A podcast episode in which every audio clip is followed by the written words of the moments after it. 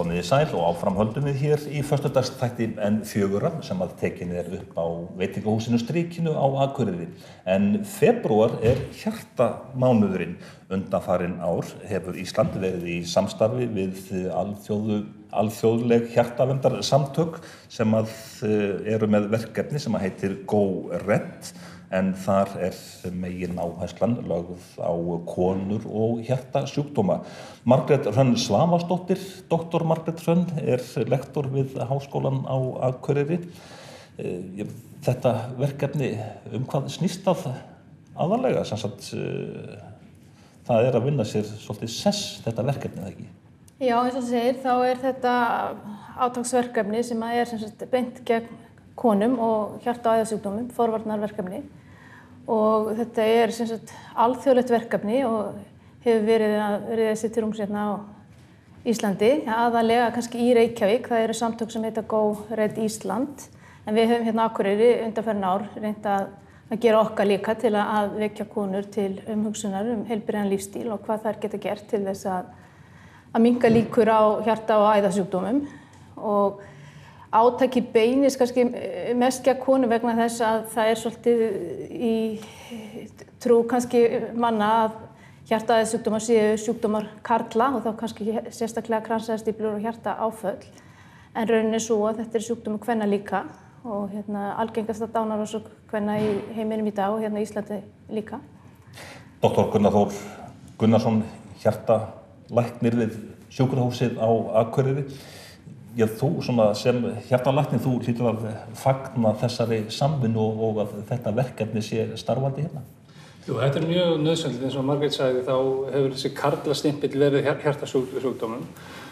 Og það er til marga gerðir að hjartasjúkdómum, algengasti hjartasjúkdómum sem við sjáum eru kransaðasjúkdómum, það er að segja kransaða kalkanir og stíplur og uh, þó að þeir sjúkdóma komi aðeins að meðaltali aðeins setna hjá konum en körlum þá er þetta í heldin að séð eh, jafn algengur sjúkdómar hjá konum og körlum þegar allt er talið þó að karlar veikist að jafna því aðeins fyrr. En það er svolítið inngróið í kerfið og í hugsun og jafnvel í hugsun okkar læknað vissuleiti og helbriði starf, starfsfólk að þetta sé sjúkdómar karla. Um, það er líka Sjúkdómurinn er mörguleiti líkur ef við tökum kransaða sjúkdómurinn er mörguleiti ólíkur líka. Það er oft erfiðar að greina þennan sjúkdóm hjá konum. Það eru með enginni sem eru ekki þessi dæmigerðu enginni og þá eru það enginni kallana sem kvöldur eru dæmigerð. Og um, það þarf ofta að beita öðrum aðferðum til að greina þetta. Það heyrir líka til að svona sögulega séð hefur þessir kransaða sjúkdómurinn verið rannsakaður mest hjá körlum. Það er alveg hefðbundin kynjaskipting í til dæmis rannsóknu hefur verið ákveða hvort að meðferð A sé betur en meðferð B að það er svona hefðbundið að það séu bara 25% þáttakandi þeim rannsóknu séu konur en þegar þið lítið á faralsfræði rannsóknu þá eru 50% kallar og 50% konur. Maður svona þegar maður til dæmis ég lappar hérna um á Akureyri eða náttúrulega bara hvar sem er á landinu þá sér maður fólk hjólandi, hlaupandi, skokkandi og svo framvegis en samt sem áður þá er, já, kyrsetta, hún er líka alltaf að aukast. Já, kyrsetta er að aukast, sem betur fer er vöknun í þessu. Það er náttúrulega í þessum litla bæ hér sem er mjög lítill að hér er fólk alltaf að taka með sér 1,5 til 2 tónn af stáli með sér hver sem það fer. Í búðina þá fer það í bílinn sinn og drösla með sér 1,5 til 2 tónnum af stáli og í vinnun og fólk með sér fer á bílnum í líkansræk sem hefur alltaf fundið svolítið engjörnlega en, þarna, en sem betur verið er vakning í þessu og á sama tíma eins og þú segir er kyrsetta mikil og það, hún skiptir gríðarlegu máli sagt, er að, að vinna á gegn kyrsettu því að vinnan okkur í dag almennt er kyrsetu vinna.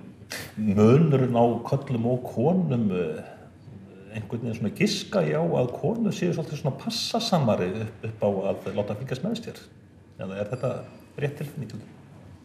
Já, þú er kannski að svara þessu gunnar ég, ég bara veit Já, ég held að það séu það að mörgu leiti sko, en sumur leiti hefur það slegið svolítið enginlega út að það sem hefur gerst á undarförnum árum er að er að það hefur jafnvel fjölgað kransaðasjúkdómum hjá yngri konum Það er þá fyrst og fremst reykingar fyrir áratuga þegar konur fóru að reykja meira. En það fyrir betur þegar fer það nú sennilega snúa við núna og er byrjað að snúa við af því að það eru sem rey, reykja.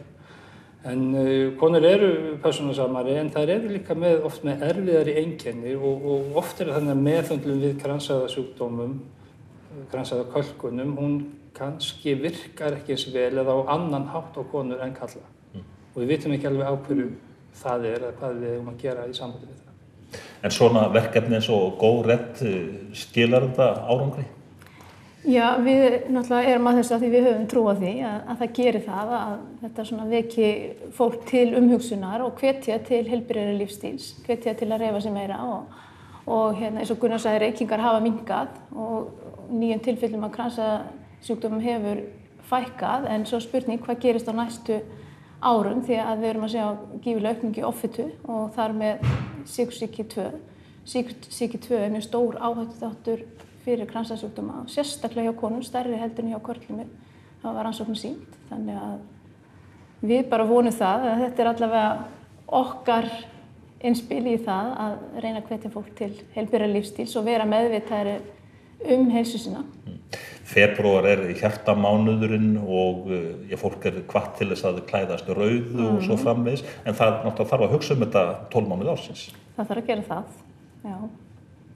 Gunnar, ég, ég svona, þær heimsóknir sem að þú ert að fá dagstaglega frá uh, fólki, ég, hvernig er, er staðan svona almennt séð í hjertasjúdómum og svo framvegis? Já, ef við tökum kynjaskiptingunum þá, uh, án þess að ég hafi tölur um það svona í minni, dag, minni dagstaglegri vinnu þá held ég að sé afskaplega lítill munur á fjölda þeirra sjúklinga, eða fjölda sjúklinga eftir kynni. Kyn. Mm. Þannig að það eru aðeins fleiri yngri kall, kallmenn en, en um, það er lítill munur á fjölda kalla og hvenna.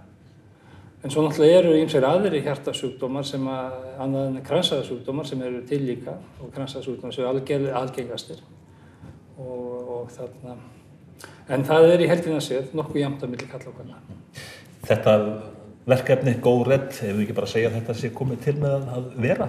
Jú, jú, það, það gerir það. Þetta er mjög skemmtilegt verkefni og hérna hefur verið vel sótt hinga til þannig að, að við reynum að halda þessu lifandi. Reynum að halda þessu lifandi. Margret Hrönn og Gunnar Þórð, bara þakka ykkur fyrir komuna og gangi ykkur vel í þessu verkefni og þar með látum við þessum förstudagstættin en fjöguram lokið. Þakkum fyrir áhorfið og góða helgi.